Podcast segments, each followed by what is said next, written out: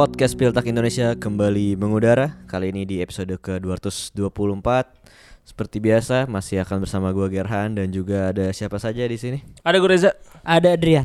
Yoi, jadi kembali bertiga bersama kita. Seperti pekan-pekan sebelumnya Ini menjadi pekan yang sangat sibuk ya. Terutama di sepak bola nih Tiga hari sekali kayak udah ada pertandingan.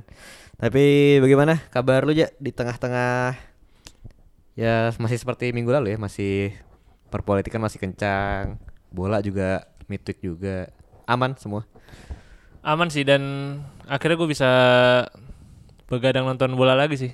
Ini dua, Oh dua hari iya. terakhir. Bukan karena Liga Champions ya, justru karena DFB Pokal. Karena gue agak lama kan nggak nonton tim-tim Bundesliga yang mungkin di luar tiga besar, empat besar gitu kan. Dan kemarin ada kesempatan nontonnya gampang di YouTube, Kompas Hmm. TV bisa, di DFB Play bisa. Dan akhirnya gue bisa ngeliat lagi tim-tim yang mungkin musim ini nggak terlalu banyak gue tonton. tonton. Iya, Mhm. nonton Wolfsburg lawan RB Leipzig, Hmm. terus Hoffenheim lawan Dortmund.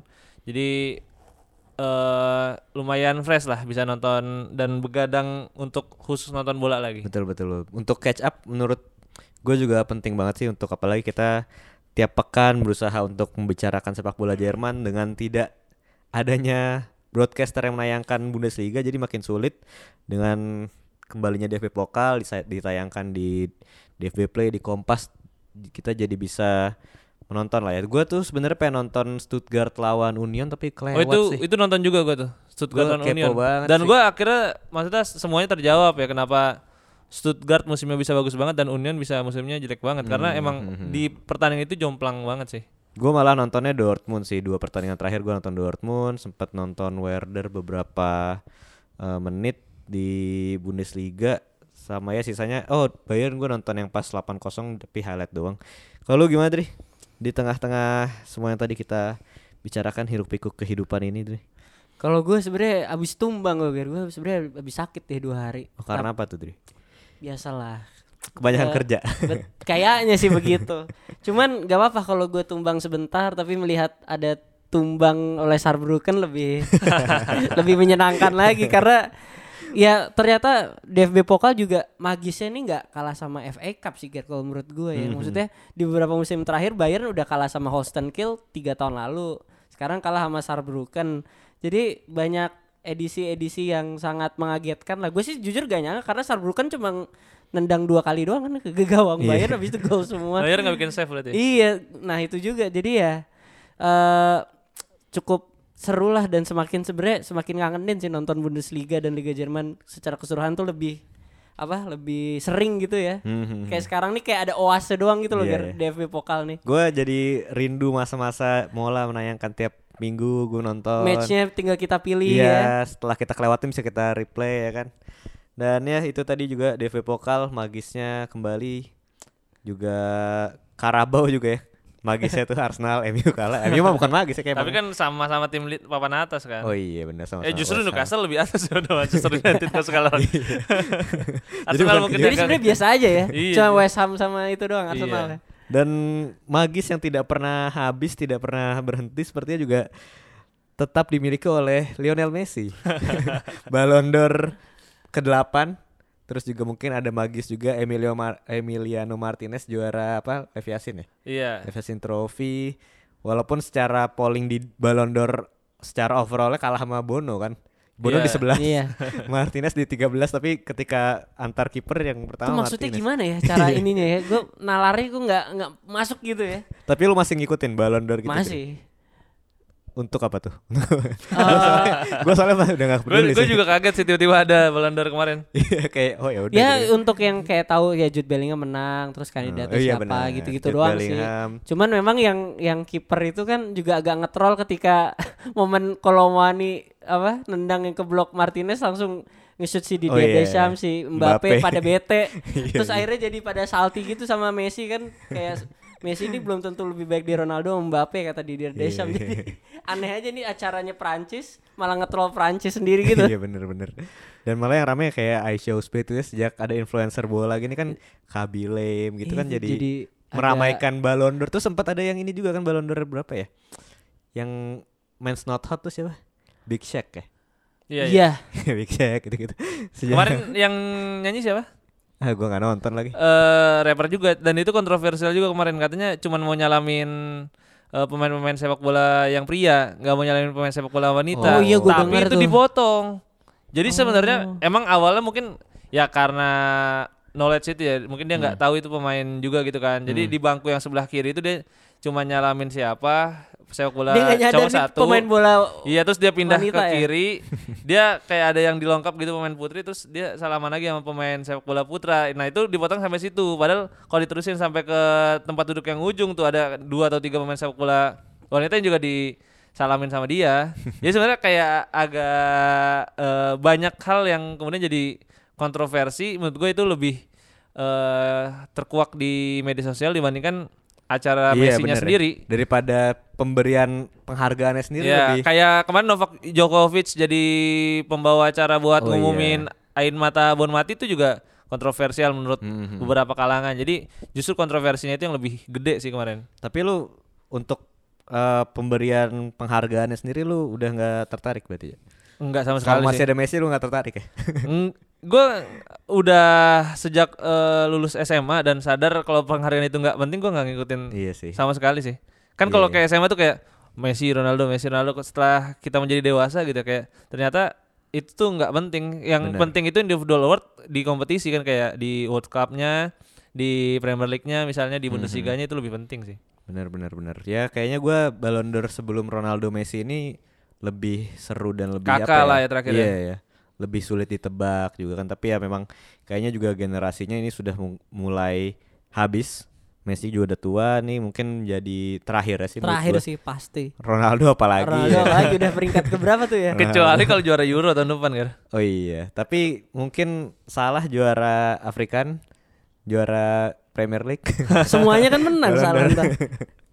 iya iya, tapi yang cukup membanggakan ya itu Bellingham, Jamal eh Jamal Musiala kedua sih ini walaupun Hmm. agak banyak pro kontra tapi lu Bellingham deh tetap kalau Copa Trophy. Iya sih karena eh soalnya kalau menurut gue eh, nyambung juga sama Messi kan ini tentang narasi kalau menurut gue ya. Gar, Iya. ya.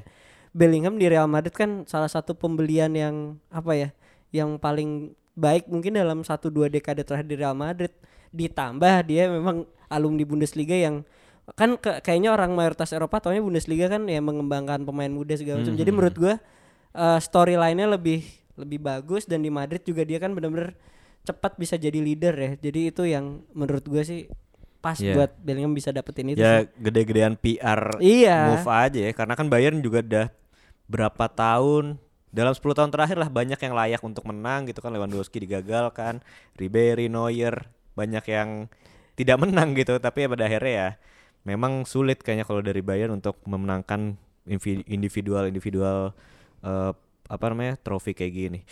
Eh seperti episode-episode sebelumnya kita juga tentunya bakal membahas sepak bola Jerman yang tersisa dari sepekan terakhir mungkin ya.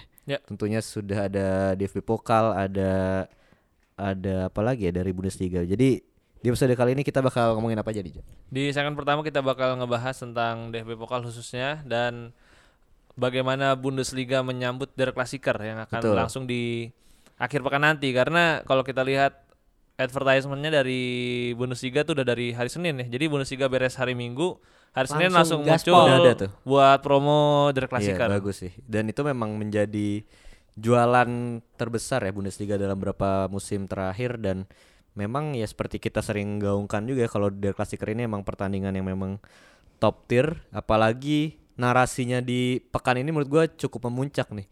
Bayern habis kalah Dortmund rekor kandangnya luar biasa banget gitu kan. Jadi bakal kita bahas hasil dari DFB Pokal sekaligus nyambung ke Der Klassiker di segmen kedua. Kita bakal membahas ini karena lagi banyak perbandingan kemarin gara-gara di di Ballon d'Or. Kita akan membandingkan nih siapa yang menurut kita better antara Jamal Musiala dan Florian Wirtz. Ini dua-duanya lagi sangat luar biasa performanya apalagi Florian Wirtz bersama Leverkusen Musiala juga Bayern eh, semakin matang gitu kan tapi ya akan kita bahas lebih jauh di segmen kedua di segmen pertama seperti yang udah disinggung tadi tentu kita bakal ngomongin DFB Pokal dulu yang melahirkan banyak kejutan nih kemarin di 16 besar eh kemarin ronde 2 32. 32 besar ya berarti menyisakan lanjut ke 16 besar. Dari 16 tim ini yang lolos ke babak selanjutnya hanya 6 Bundesliga nih. 6 Iya. tim Bundesliga ini tersedikit sejak tahun 1992-93. Sebenarnya sebelum kita bahas hasil-hasil yang mencengangkan, Ja, apa yang terjadi ya dengan tim-tim Bundesliga nih? Ya harus diakui tim Bundesliga tahun ini nggak banyak yang bagus sih ya.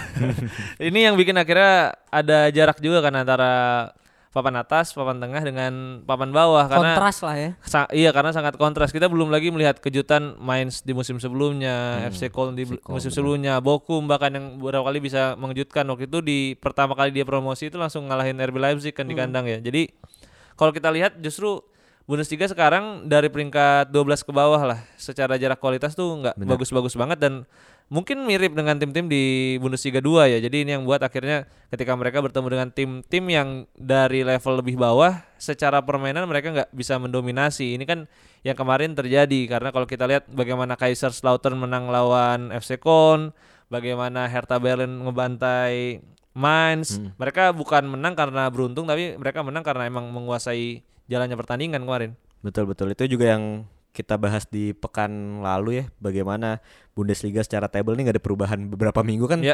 sebenarnya menggambarkan juga tuh bagaimana tim dari setengah ke bawahnya emang nggak ada yang bagus-bagus amat dan eh, seperti pertandingan cup di mana pun yang me- biasanya memang tim-tim kecil jauh lebih termotivasi dibandingkan tim besar apalagi di DV Pokal kalau nggak salah ada, ada aturan untuk main di kandang tim kecil nih kalau Iya, dua ronde awal ya dua ronde nggak salah. awal ya un- untuk main di eh, kandang tim kecil seperti Saarbrücken itu kan kandangnya juga sebenarnya lagi carut marut kemarin sampai Hamin 7 jam apa berapa jam baru diumumin akhirnya bisa main kan Dan Kayak kemarin di- masih itu ya agak banyak oh, bolong-bolongnya masih emang. banyak bolong ya walaupun udah nggak becek sih ya Iya.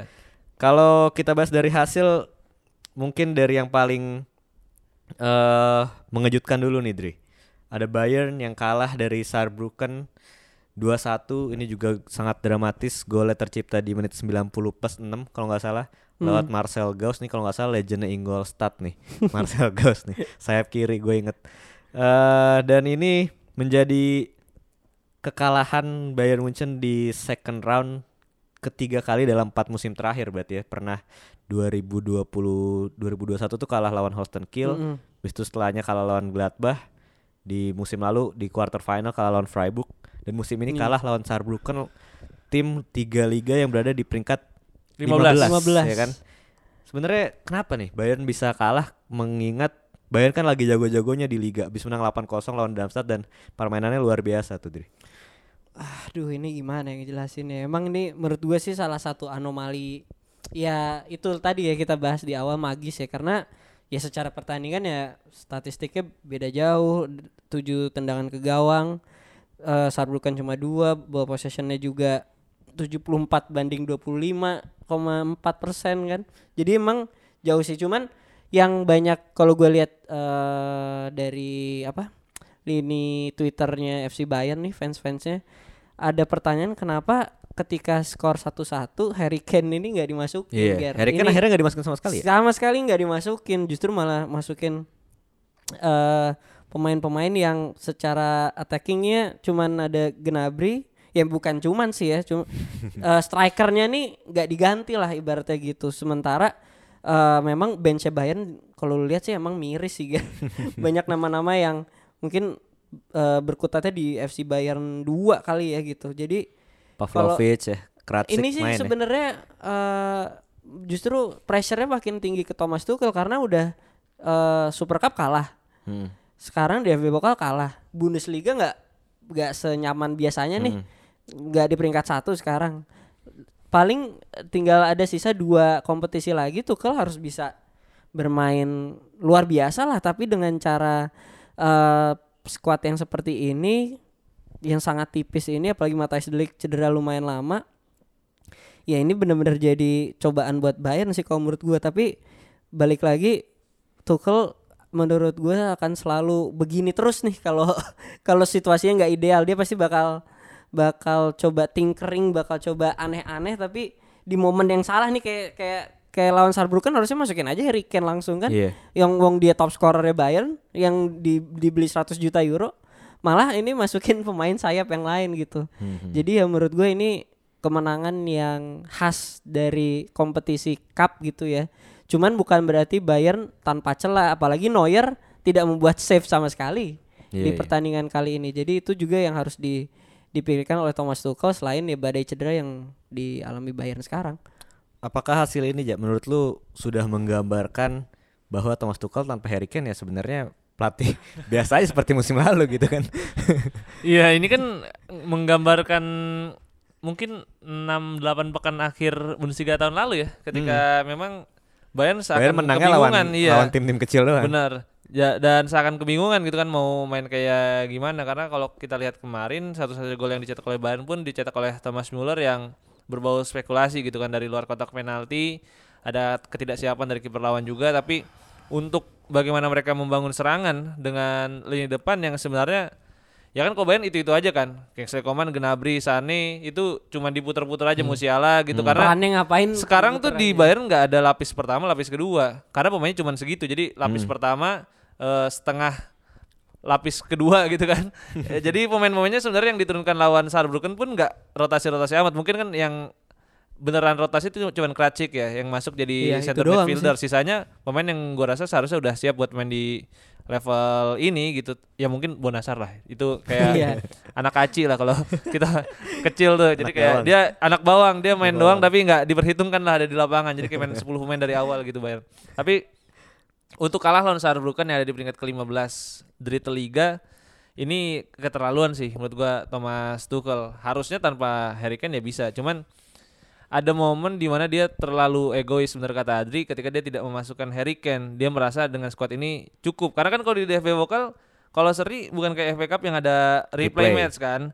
Di mana kalau dia nggak selesai di 90 menit, artinya lu lanjut di 120 menit. Nah itu kan juga sebenarnya merugikan buat Bayern karena Der Klassiker udah deket gitu Ger. Betul. Nah harusnya dia push pemainnya buat bisa menang di 90 menit dan satu-satunya cara ya masukin Harry Kane. Nah sebenarnya kejadian ini kan mirip sama Bayer Leverkusen ketika bertemu dengan Sandhausen. Iya. Mereka unggul 1-0, 1-1, unggul 2-1, 2-2. Nah ketika skor 2-2 di menit 63 dia masukin Frimpong, Florian Wirtz, Ini Gri- senjatanya semua nih. Grimaldo sama satu lagi Granit Xhaka. Itu empat pemain masuk berbarengan di menit ke-64 dan akhirnya Comeback 5 mereka menang 5-2. Jadi urgensi itu yang tidak dilakukan oleh Thomas Tuchel di laga kemarin dan menjadi blunder fatal sih karena untuk juara Bundesliga dan Liga Champions sangat berat musim ini. Iya, di samping memang secara squad Bayern ini sangat ramping gitu ya, tapi sebenarnya nggak ada masalah juga lu memainkan first team di laga kayak gini walaupun besoknya di Klassiker gitu. Karena kan memang kalau main Liga Champions juga pakai pemain utama gitu. Tiga hari sekali main Sama juga aja gitu kan, kan. sama aja sebenarnya. Lu melihat apakah ini ada unsur-unsur sedikit meremehkan dari Thomas Tuchel, Dri? Pasti. Itu jawabannya. Karena Saarbrücken ya itu tadi kan udah divisi berapa peringkat berapa. Jadi pasti secara naluri pasti meremehkan lah. Bohong kalau enggak. Cuman yang gua agak sayangkan ya kalau gue sih senang sebenarnya Bayern ini ya. Tapi kalau mau dong. mau objektif ya itu kenapa pelatih Tom apa Thomas Tuchel ini kan udah senior gitu ya Gar ya. bisa ngebaca permainan bagaimana sih eh, dinamika di lapangan tuh kan bisa aja kita udah punya plan A plan B gitu kan ini yang nggak ada gitu loh ya Atau pemain Bayern takut bajunya kotor Kayaknya di agak Karena bermain hati-hati lapangan juga ya. Lapangan becek. Kalau kita lihat misalkan di gol eh, si Oliver Gauss ya yang menit terakhir itu, itu bener-bener pemain Bayern yang ya apa? Jaraknya tuh jauh banget dari kotak penaltinya nih back-back sayapnya. Jadi tinggal nyisain Kim Min Jae sama satu lagi Konrad Leimer ya di tengah iya. ya. Jadi kena counter juga dari situasi throw in gitu.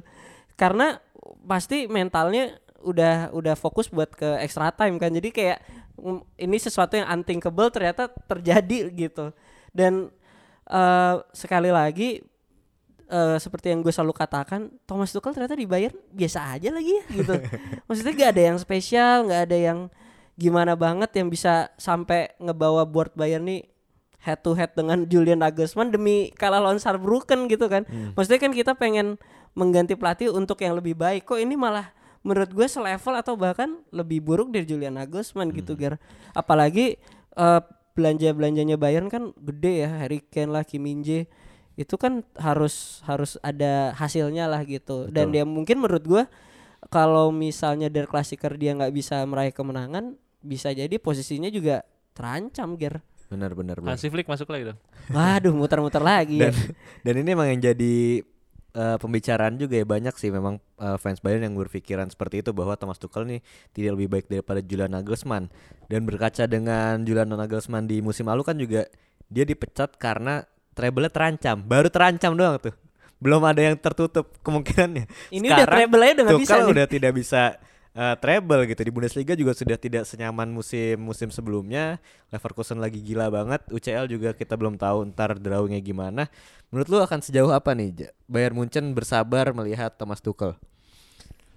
Menurut gua sih kuncinya bakal ada di November ke Desember ya.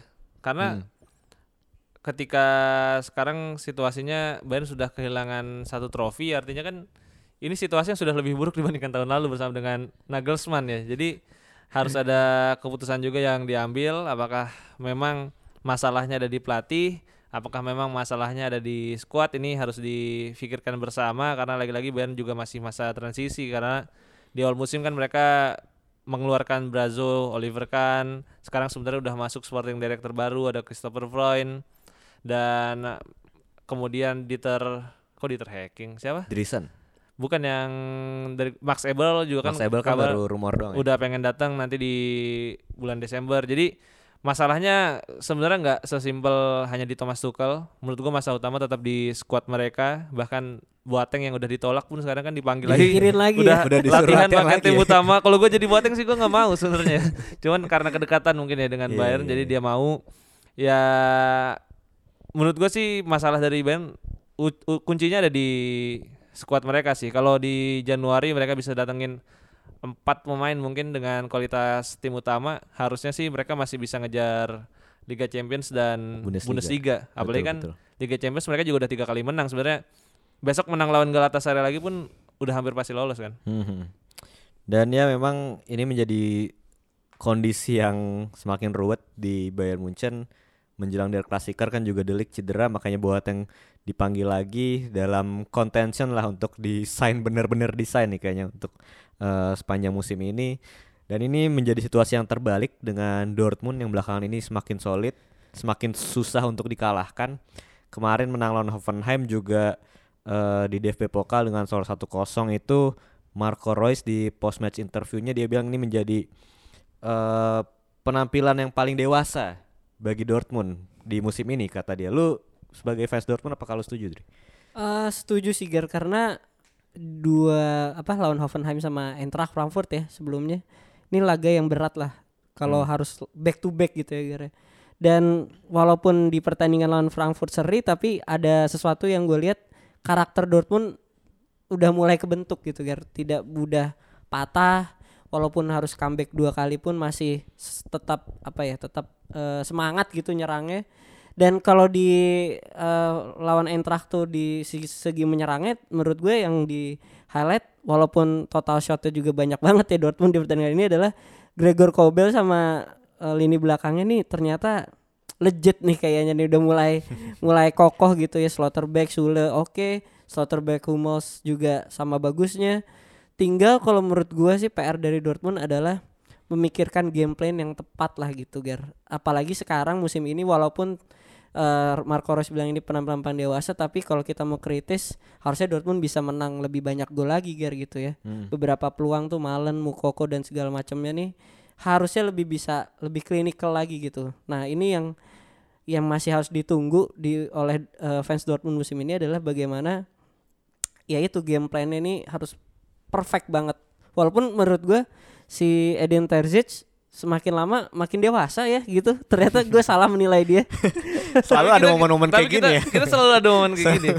Tapi Sama banget. kali ini- musim lalu tapi- pas Dortmund hampir juara tuh kita ada momen kayak Tapi gini. eh, menurut gue kali ini tuh pressure-nya lebih gede dibanding musim kemarin sih Ja karena kan eh, musim kemarin kan eh, ekspektasi rendah gitu ya tiba-tiba bisa peringkat satu oke lah gitu. Kalau kalau musim ini kan sebenarnya Terzic ini under fire gitu loh bahwa under pressure Bellingham diganti Felix Mecha lah beli Fulkrug lah tapi somehow masih ber- berjalan lah gitu ya bukan pasti selalu berjalan dengan baik tapi masih on the right track lah. Jadi menurut gua tinggal eh, bagaimana memanage kalau eh, selain game plan adalah ya merotasi pemain kayak di laga ini kan Mukoko main, Jimmy Bino Gittens main dari awal, Gio Reyna main dari awal.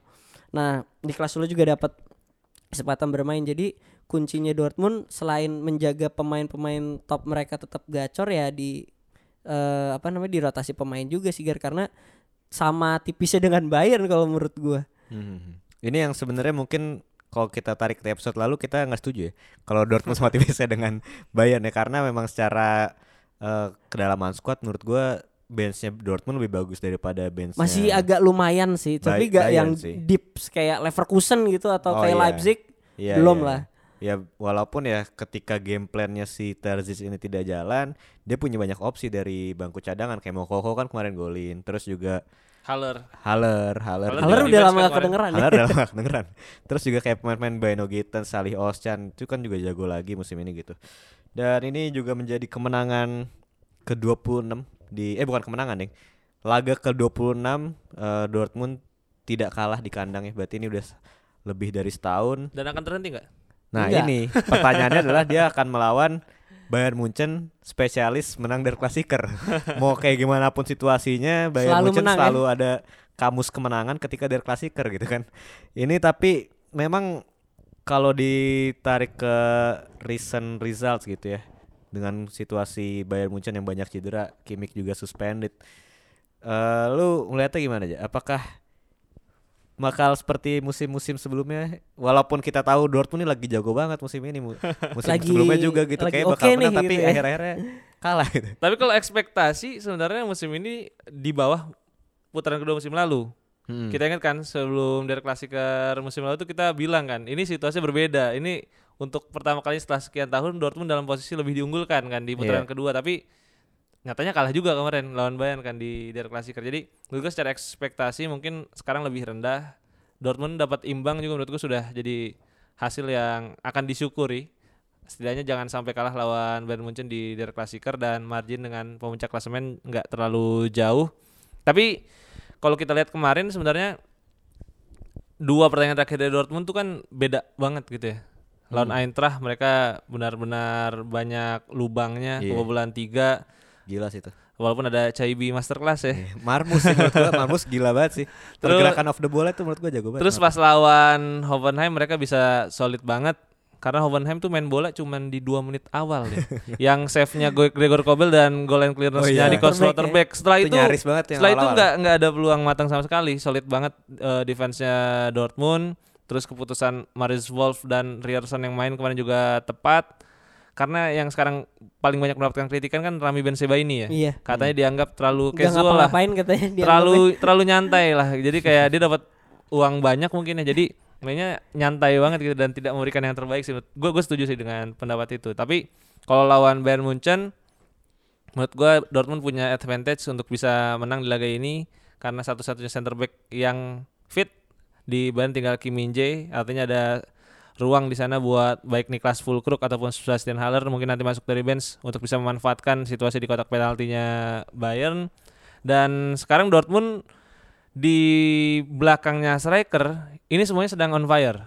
Marco Reus kemarin cetak gol. Iya. Brand juga lagi bagus-bagusnya. Bahkan yang datang dari bench biasanya kayak Baino Gittens, Gio Reyna tuh kemarin Iya. penampilan terbaik mereka musim ini lawan Hoffenheim. Terus kita tarik lagi ke belakang, Emre Can perlahan mulai baik lagi seperti di akhir musim lalu. Salih Osen juga kemarin main bagus banget lawan Hoffenheim. Jadi untuk performa Dortmund punya advantage tinggal Edin Terzic jangan inferior lah lawan Bayern karena kebiasaan Terzic gitu yang menghadapi lawan yang secara apa ya secara nama di atasnya Dortmund dia selalu inferior dia nggak berani buat akhirnya main seperti biasanya dan justru agak overthinking main lebih defensif dan ini kan musim ini udah kejadian di satu-satunya kekalahan Dortmund ketika menghadapi PSG Betul betul. Dan ya di big game dan big occasion gini kan memang Dortmund ya kita tahu B- B- BVB itu kan B-nya Butler itu.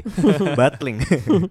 dan ini memang jadi ujian Terzic yang mungkin sejak musim lalu belum terbukti gitu ketika di UCL juga Chelsea tahun lalu bahkan kalahnya Iya, ya. lawan Chelsea itu padahal harusnya bisa menang. Lawan Mainz juga big occasion, harusnya bisa menang. Musim ini udah terbukti lawan PSG. Dan ya sebenarnya walaupun Bayern kehilangan Kimmich terus juga Delik gitu ya, tapi nyawa dari Bayern Harry Kane masih bisa main dengan full energy Dri. Lu pede gak tuh dari klasiker kalau kali ini Dri? eh sebenarnya sih be- bener kata lu Ger gimana pun kondisinya tuh Bayern pasti tahu caranya ngalahin Dortmund. Gue tetap berpegang teguh pada apa ya pada mantra itulah. Cuman eh, yang agak membuat gue seneng yaitu eh sebenarnya lini belakang Dortmund udah lumayan membaik, eh, membangun serangannya lebih efektif, pemain menyerangnya juga kayaknya udah mulai dapat gripnya gitu ya sama taktiknya Edin Terzic. Cuman balik lagi itu bener kata Reja, jangan merasa inferior apalagi eh, Dortmund kan apa lagi trennya lagi menanjak gitu ya, lagi bagus dan bukan karena hoki doang gitu lah. Jadi gue pengennya lebih nggak apa-apa bermain lebih sedikit megang bola tapi lebih proaktif dan lebih reaktif gitu. Jangan kayak lawan PSG yang kayak nih nih pada ngapain nih 11 pemain gitu cuman diam nunggu bola habis itu tendang lagi clear segala macam. Nah, itu yang gue nggak mau. Eh, nggak harus selalu menyerang tapi eh bisa apa counter attack mungkin ngandelin dari Mukoko eh, dari Adeyemi atau dari Royce gitu kan itu yang gue pengen jangan sampai kayak lawan PSG deh itu menurut gue itu paling parahnya. Itu Terzic di di dua tahun terakhir sama Dortmund tuh itu dan itu bisa kejadian lawan Bayern karena secara level mungkin Terzic nganggep ya kita ini bukan selevel dia lah. Tapi eh gue tetap optimis eh, pertandingan ini bisa menjadi pertandingan yang seru cuman hasilnya gue gua ngerasa bakal eh, imbang sih gak ada yang menang menurut gue karena udah lama banget kayaknya Dortmund nggak menang Nggak bisa menang ya. klasiker juga kan Tapi kalau dari kombinasi pemain dari Dortmund kan ini kalau di lini belakang udah pasti Hummels Slotterbeck nih Hmm. kayaknya ya, dari dari berurutan yang terakhir mainnya bagus. Di lini depan ya sebenarnya banyak opsi. Fulkrug, Mukoko, Adeyemi, Malen, Royce, Giorena semua lagi bagus. Lu prefer siapa Dri? Waduh, gue sih sebenarnya pengennya kayak yang sekarang nih yang kayak lawan Hoffenheim, Hoffenheim. nih. Heeh, Berarti eh, Bayno Gittens. Bayno Gittens sebenarnya.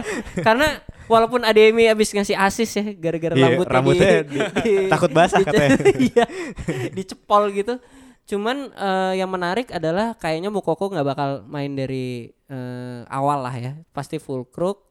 Abis itu gue nggak tahu nih apakah udah pengen ngasih kepercayaan lagi ke Adeyemi apa enggak sama sama Malen sih atau mungkin eh, full crook Roy sama Malen di trio lini depan yang be- bener-bener lagi on fire lah ya bisa dibilang gitu. Di babak keduanya mungkin bisa masukin eh, Reina bisa masukin Mukoko itu tadi sih.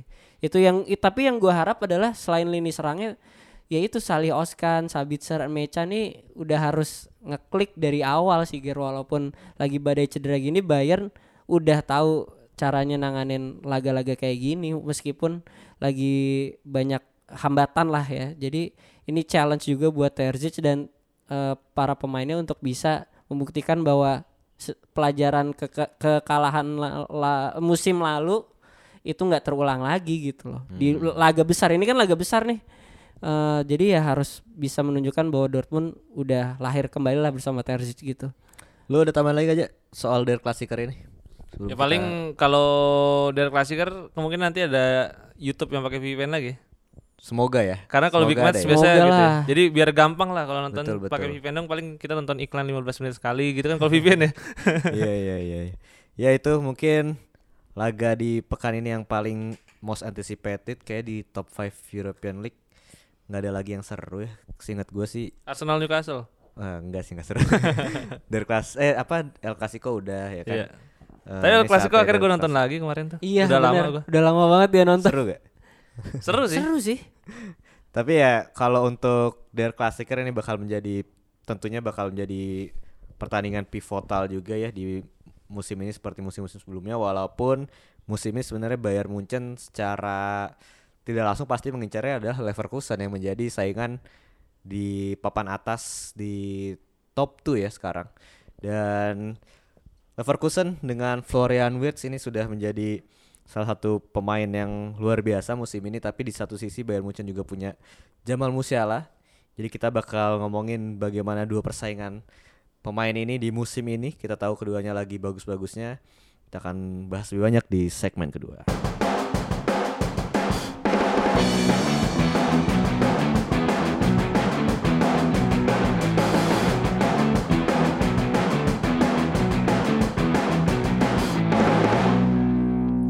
Jude Bellingham memang sudah pergi tapi Bundesliga masih punya dua bocah ajaib lainnya yaitu Florian Wirtz dan juga Jamal Musiala. Karena memang sebelumnya tuh tiga pemain ini nih benar-benar menguasai Bundesliga ya bisa Iya, dibilang. karena mereka ada di range usia yang sama gitu kan. Jaraknya sama-sama di 2003 dan semuanya tuh cuman beda lahir 3 sampai 4 bulan doang antara Hmm. Bellingham, Musiala dan juga Florian Wirtz. Tapi sekarang Bellingham sudah pergi untuk naik ke level yang berikutnya menurut gua karena di Real Madrid benar-benar gila Iya. Eh, dulu ada pandit yang bilang katanya kalau Bellingham cetak gol terus artinya Madrid akan merugi karena dia tidak menjalankan tugasnya sebagai gelandang. Padahal kalau kita sering nonton Bundesliga, Bellingham tuh kan tipe gelandang yang melakukan semuanya sendiri kan. Dia Betul. defense juga, rebut bola juga, mengalirkan bola juga, finishing juga dan akhirnya banyak orang yang kaget sebenarnya ketika dia pindah ke Madrid. Ternyata Bellingham nih sejago ini Sejago gitu itu, karena betul. jarang nonton Dortmund sebelumnya. Nah, di Bundesliga sekarang tersisa dua bocah ajaib lainnya, Florian Wirtz dan juga Jamal Musiala karena mungkin sekarang mereka tinggal sisa berdua kali ya dan Mm-mm. secara timnas juga dua-duanya di timnas Jerman ini banyak perbandingan gitu. Tapi kalau lu sendiri Ger melihat sebenarnya Florian Wirtz dan juga Jamal Musiala ini apakah dua pemain dengan arketipe yang sama atau ternyata mereka berbeda gitu. Ini kan mirip-mirip Gerrard versus Lampard lah dulu. Iya di tipe yang sama, umurannya juga sama. Tapi gue mau bahas soal Jude Bellingham di antara tiga pemain ini ya. Kalau menurut gue Jude Bellingham ini paling beda sendiri ya secara permainan, secara archetype dan secara apa ya fungsi di timnya tuh menurut gue nggak ada yang bisa ngegendong tim ini loh. Kayak Jude Bellingham bisa ngegendong Dortmund tapi Florian Wirtz dan Musiala menurut gue nggak bisa menggendong eh, Leverkusen dan Bayern mungkin karena secara sistem Musiala dan Wirtz berada di tim yang lebih bagus gitu. Iya benar. ya kan Dortmund ini di dulu ya Jude Bellingham main insya Allah aja gitu kan menggendong Sampai segalanya. tape di lututnya banyak banget kan iya makanya ketika di Real Madrid kita semua nggak ada yang kaget gitu. Karena gue sering banget bilang dia ngegendong Dortmund aja ya bisa gitu dengan pemain-pemain yang kayak gitu apalagi Real Madrid ya kan. Ini Ya, udah gua lengkap semua ya udah Real lengkap Madrid ya. semua. Udah gue setuju sama lo kalau ini udah naik ke level yang selanjutnya sih bagi Jude Bellingham. Sementara kalau Florian Wirtz dan Musiala ini kalau menurut gua ini dua pemain yang secara position mungkin sama ya sama-sama gelandang serang bisa beroperasi di sayap dan bisa jadi dribble sama-sama eksplosif tapi menurut gue ini dua pemain yang secara tipikal ada perbedaan sedikit tapi sangat signifikan sih kalau Musiala ini gue melihatnya tipe pemain yang eh dribbler banget secara eh, dribble lebih bagus daripada Florian Wirtz Itu ada emblemnya tuh ya kalau di Iya, Di kalau di ya. kalau di ini flare nih, sama-sama flare sih. Tapi kalau Florian Wirtz ini lebih ke playmaker. Ini yang tidak dimiliki oleh Jamal Musiala gitu secara playmaking. Florian Wirtz lebih unggul, tapi secara dribbler eh, Musiala lebih unggul sedikit dibandingkan Florian Wirtz. Tapi ya secara tipe pemainan eh, mirip-mirip memang gitu. Tapi ya kalau gue lihat untuk di timnya sih eh berfungsi sama-sama bagus kalau Musiala tapi ini kan sebenarnya kalau kita bicara Bayern secara struktur juga tidak jelas-jelas amat gitu Thomas Tuchel kan. ini mengandalkan individual para pemain aja Leroy Sané, Sergei Gnabry, terus juga Musiala sendiri kan adalah tipe-tipe pemain yang me- mengandalkan eh, individual gitu movement ya kalau Florian Wirtz sejak ditangani Xabi Alonso ini pemain yang lebih eh berkutat sama si taktiknya si Xabi Alonso aja sih menurut gue. Jadi ada dua perbedaan di situ sih menurut gue. Tapi kalau kita lihat secara statistik ya sebenarnya ada peru- ada perbedaan yang sangat kentara soal gol dan assist ya karena Mm-mm. kalau kita lihat Jamal Musiala memang lebih banyak melakukan tendangan gitu ya. dan kemudian mencetak lebih banyak gol sedangkan Florian Wirtz lebih banyak melakukan key passes dan lebih banyak menciptakan assist bagi timnya sepanjang mereka eh, berkarir dan di usia 20 tahun juga sebenarnya udah banyak banget ya game yang mereka lalui ya. Musiala tuh udah 100 game lebih Florian Wirtz yang sempat cedera 6 bulan lebih itu udah 80 eh, pertandingan lebih bersama dengan Ya hampir tiap Leverkusen minggu pasti main lah kalau dia available ya. Nah kalau lu lihat sendiri Dri, apakah memang ah, statistik itu sudah menggambarkan bagaimana mereka bermain sebenarnya di lapangan atau memang itu hanya menggambarkan penggunaan mereka di lapangan saja oleh pelatihnya masing-masing? Kalau menurut gue sih gue menjabarkannya kayak em, Florian Wirtz ini nomor 10 yang bisa juga seperti nomor 8 tapi kalau Musiala tuh nomor 10 yang bisa seperti nomor 7 gitu jadi eh apa namanya di lapangan pasti gaya bermainnya mereka berbeda gitu. Misalkan Wirtz bisa jadi eh, apa namanya penghubung dari lini tengah biar eh, create chances di depan dengan eh, visi dan eh, pemanfaatan di half space-nya juga bagus. apa understanding temannya ada di mana dan mau ke mananya juga lebih baik. Kalau Musiala kan tipenya bola ada di kaki dia, dia coba untuk eh, terobos masuk, nanti lihat eh, kondisi nantinya gimana gitu kan. Nah sementara Wirtz lebih ya lebih mirip kayak kalau menurut gue Ozil tapi versi lebih apa ya lebih lincah gitu ya. Kalau Ozil kan maksudnya lebih ke playmaker yang murni gitu kan. Walaupun eh, sempat main di sayap kanan juga gitu. Kalau di eh, si Wirtz ini ya lebih all around dan lebih bisa megang banyak peran kunci di timnya kalau menurut gue dibanding Musiala. Karena apa? Musim lalu Wirtz cedera ya serangan Leverkusen juga hilang tajinya gitu. Waktu dia masuk Sabi Alonso juga kebetulan pelatih yang tepat baru Leverkusen pelan-pelan keangkat. Nah ini yang ngebedain. Kalau Musiala sih eh, impactnya tuh lebih ke eksplosif ya gitu ya. Maksudnya kayak lebih lebih berasanya tuh langsung dep gitu. Kalau Wirtz tuh kayak kita harus nontonin Iya. Ngikutin terus oh ini ada pemain yang ngatur ini semua. Iya, kalau he- Musiala tuh lu nggak usah nonton pertandingan full lu tahu nih orang giring bola dari dari ujung apa dari sisi lapangan ke kotak penalti lawan coba bikin eh, umpan terobosan dan segala macam ya itu Musiala. Cuman yang paling membedakan ya menurut gue itu sebenarnya mereka gelandang serang tapi punya skill yang skill tambahan ya kalau menurut gue Wirtz sebagai nomor 8 ya Musiala sebagai nomor 7 karena Musiala pace misalnya kalau Wirtz lebih ke creativity ngebangun serangannya gitu sih dia. Kalau lu setuju nggak Ger? Kalau gue bilang misalnya Florian Wirtz ini adalah sosok gelandang serang dengan skill set yang lebih lengkap dibandingkan Musiala, tapi Jamal Musiala adalah sosok pemain yang lebih lengkap dibandingkan Florian Wirtz secara keseluruhan. Gua setuju sih karena gua melihatnya Florian Wirtz ini tidak semua pelatih bisa menggunakan dia gitu. Kalau Musiala gue yakin semua pelatih bisa menggunakan dia, bisa jadi jago gitu. Misalkan ya dilatih David Moyes, Florian Wirtz nggak bakal kepake. Kalau Jamal Musiala David pasti Moyes. bakal bagus gitu. Tapi Mohamed Kudus bisa dipakai Moyes kemarin Ger? Kan tapi beda dia Muhammad Kudus beda sama Wirtz sih Iya. menurut gue.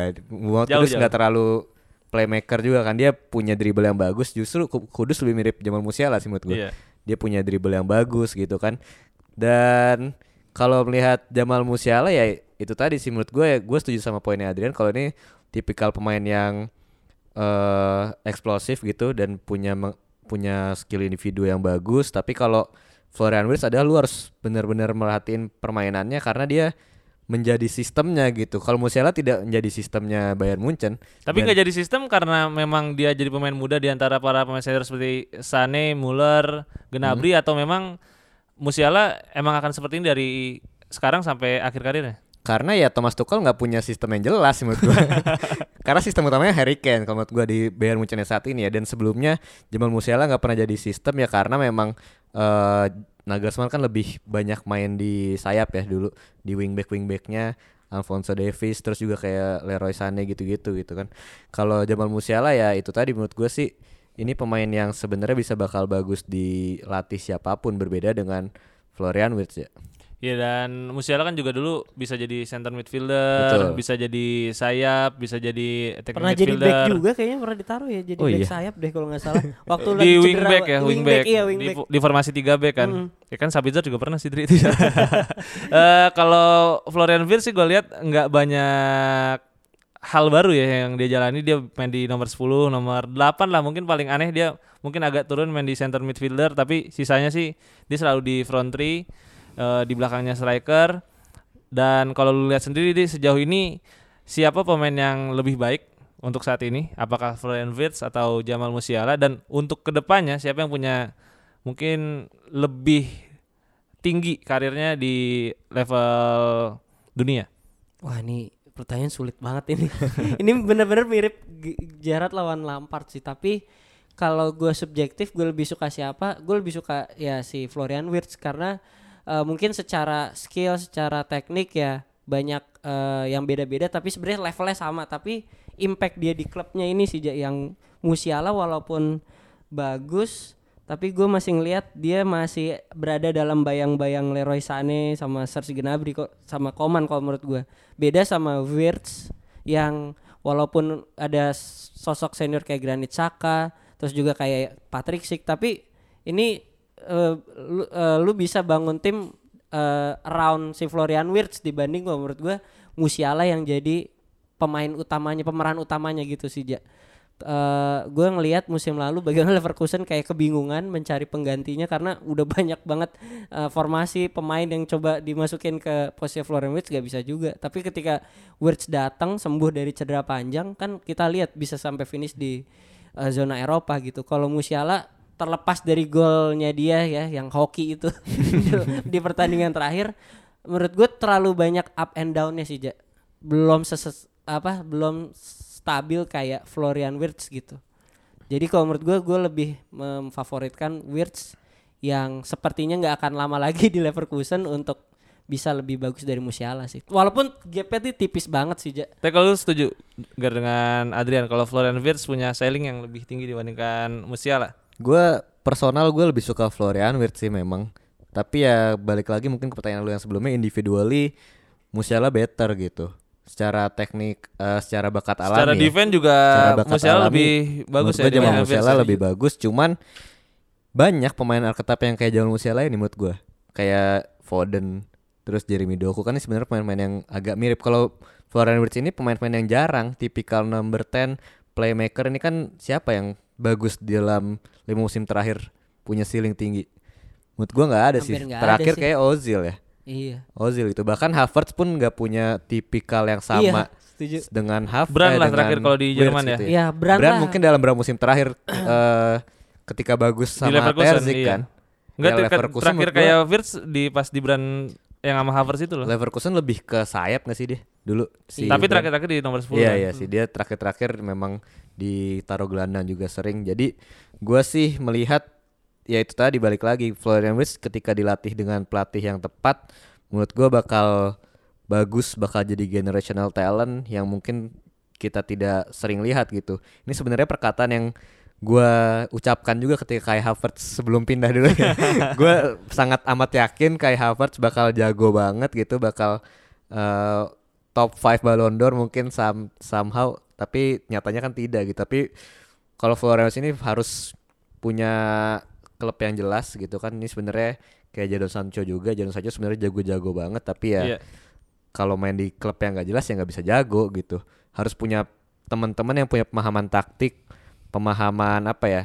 eh, satu sama lainnya harus bagus juga. Kalau Musiala itu tadi gue lihat ini pemain yang bisa strive di klub mana pun sih. Ya kalau Musiala pun nggak ada urgensi untuk pindah tim ya. Menurut Iya, gua iya. bisa aja nanti Tapi- da- dari awal sampai akhir Di Bayern di Bayern. Munchen mungkin kalau pindah pun ke Inggris lah Iya, bisa. iya, Tapi kalau Florian Wirtz bakal ada di satu titik di mana oh gue udah melakukan segalanya buat Leverkusen dan gue akan pindah gitu Iya. dan bisa jadi dalam satu atau dua musim ke depan. Kalau lihat sendiri Ger, untuk Florian Wirtz sebenarnya untuk saat ini cocoknya di Leverkusen berapa lama lagi dan kalau pindah tuh ke tim yang kayak gimana?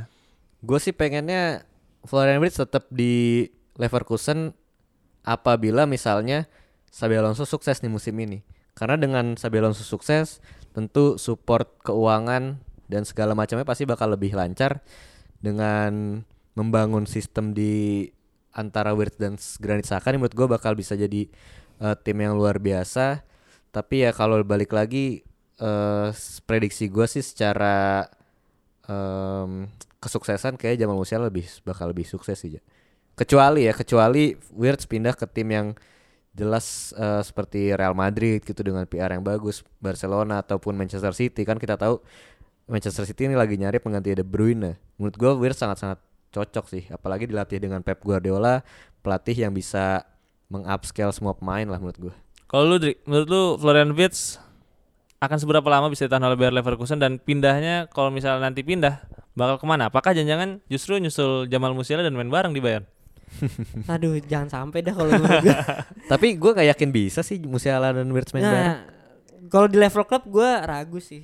Cuman Ini di negara aja kita di lihat deh negara aja kayaknya masih belum optimal gitu ya. Tapi kalau mau realistis, kita harus tunggu Kevin De Bruyne nih ced- kan cedera nih. Pas balik lagi sama nggak nih mainnya sama dia dulu gitu.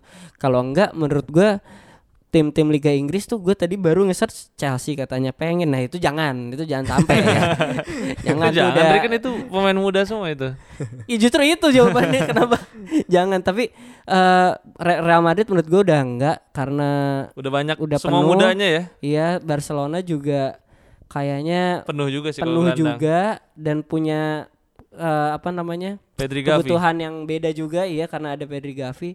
Jadi menurut gue memang kayaknya menunggu mungkin Manchester City ya untuk eh, untuk yang paling tepat atau Bayern. Udah jadi tinggal dua itu doang. Apa mungkin Liverpool tapi gue nggak dengar tuh rumor Tapi dan nggak nggak ada slot buat Wirtz juga nggak sih kalau main di Liverpool? Iya. sebenarnya? Posisinya tuh nggak ada gitu. Posisinya Nah, Sobos terus- lah ya paling ya. Heeh, Szoboszlai. Tapi gue kemarin baru denger, aduh siapa ya petingginya Bayern ya memang Dresen itu yang ngomong. Iya bohong lah kalau ibaratnya Bayern nggak mau Iya. eh, Florian Wirtz gitu. Jadi menurut gua opsi utamanya tetap di Manchester City atau Wirtz. Jadi bagaimana eh, pengennya Wirtz ngarahnya ke mana nih? Pengen jadi kayak Bellingham kan udah kelihatan nih bahwa sebenarnya main di Liga Jerman pindah ke liga yang ya bisa dikatakan lebih besar pun gak ada masalah kalau memang di environment yang bagus gitu Iya. kan kayak di Manchester City misalnya gitu tapi gua sih ngerasa kalau paling tepat banget mungkin dua musim lagi pas lah dia umur sekarang Bareng udah- sama Sabi pindahnya. Iya. Ke Real Madrid. Kalau itu Ke Madrid. Real Madrid iya. Tapi gua pengen sih ngeliat Florian Wirtz seenggaknya sampai usia 22 23 ya di Bundesliga karena akhir-akhir ini terlalu cepat pemain pindah dari Iya, Bundesliga menurut Tapi gua. karena memang terlalu jago kayaknya sih. Ja. Tapi kalau sebagai patokan ya pemain ini jago atau enggak, Dri? Sebenarnya simple. Florian Wirtz ini jago. Patokannya adalah dia tidak dihubungkan dengan Borussia Dortmund.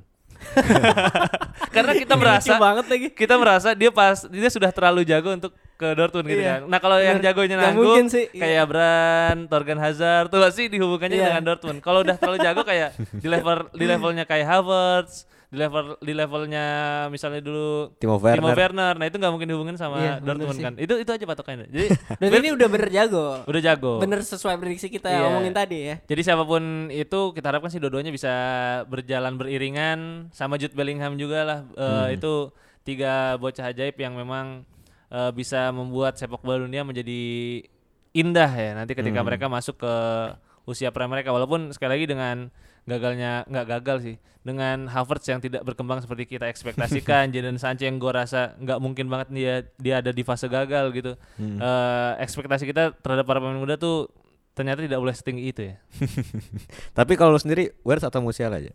Gue Jamal Musiala sih.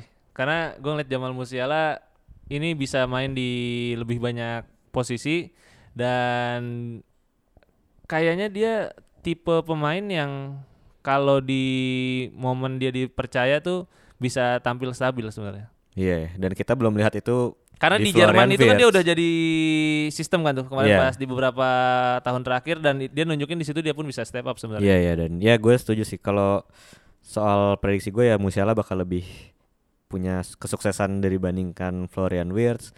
Wirtz belum terbukti bermain di pressure yang tinggi sih menurut gue. Karena Leverkusen ini kan saat ini ya masih Iya. tim yang dari underdog gitu kan. Lagi seru-serunya. Menurut gue pembuktian harusnya satu musim lagi sih. Wirtz di Leverkusen. Eh, jadi paling itu dia diskusi kita soal Florian Wirtz versus Jamal Musiala mungkin juga bakal kita kasih poll ya nanti di Spotify. Silakan di poll karena ini menurut gua menjadi perbincangan yang tidak kalah serunya dibandingkan Jude Bellingham lawan Musiala. Ini lebih head to head lah secara posisi Iya. aja. Eh jadi minggu ini Der Klassiker nanti di hari Minggu ya. Minggu apa Malam Sabtu minggu sih? ya. Oh biasanya malam Minggu sih. Iya. Biasanya jam terakhir tuh. Udah nggak bentrok sama Premier League masih ada sih kayaknya. Ada tambahan lagi gak Dri sebelum kita tutup Dri? Eh kayaknya udah ya tinggal kita harus ya semoga ditayangin di YouTube ya itu eh eh, Der Klassiker tapi yang menarik juga ada pertandingan Hoffenheim lawan Leverkusen nih. Lumayan seru karena Hoffenheim peringkat 6 Leverkusennya jadi pemuncak klasemen gitu. Jadi selain Der Klassiker ada itu juga. Werder lah sama Werder. Werder lawan ini kan aduh Kemarin abis menang lawan Union gue sangat happy walaupun ya itu expected sih. Clean sheet loh. Ya, lu ada tambahan lagi gak aja sebelum kita tutup? Ya paling setelah Der Klassiker kan juga semua tim Bundesliga akan ada di fase Oh iya. yang lebih serius di UCL. Eropa ya, di UCL, Europa League dan juga Conference League tuh. Di situ bisa dipastikan mungkin Union Berlin akan jadi tim pertama yang gugur dan Bayern menjadi tim pertama yang lolos ke babak berikutnya. Betul betul. Dortmund masih berjuang sampai akhir sih menurut gue ya. Oke kalau gitu kita tutup saja di episode kali ini. Gue Gerhan pamit. Gue Reza pamit. Gue Rian pamit. Sampai jumpa di episode Spill Tak berikutnya. Bye.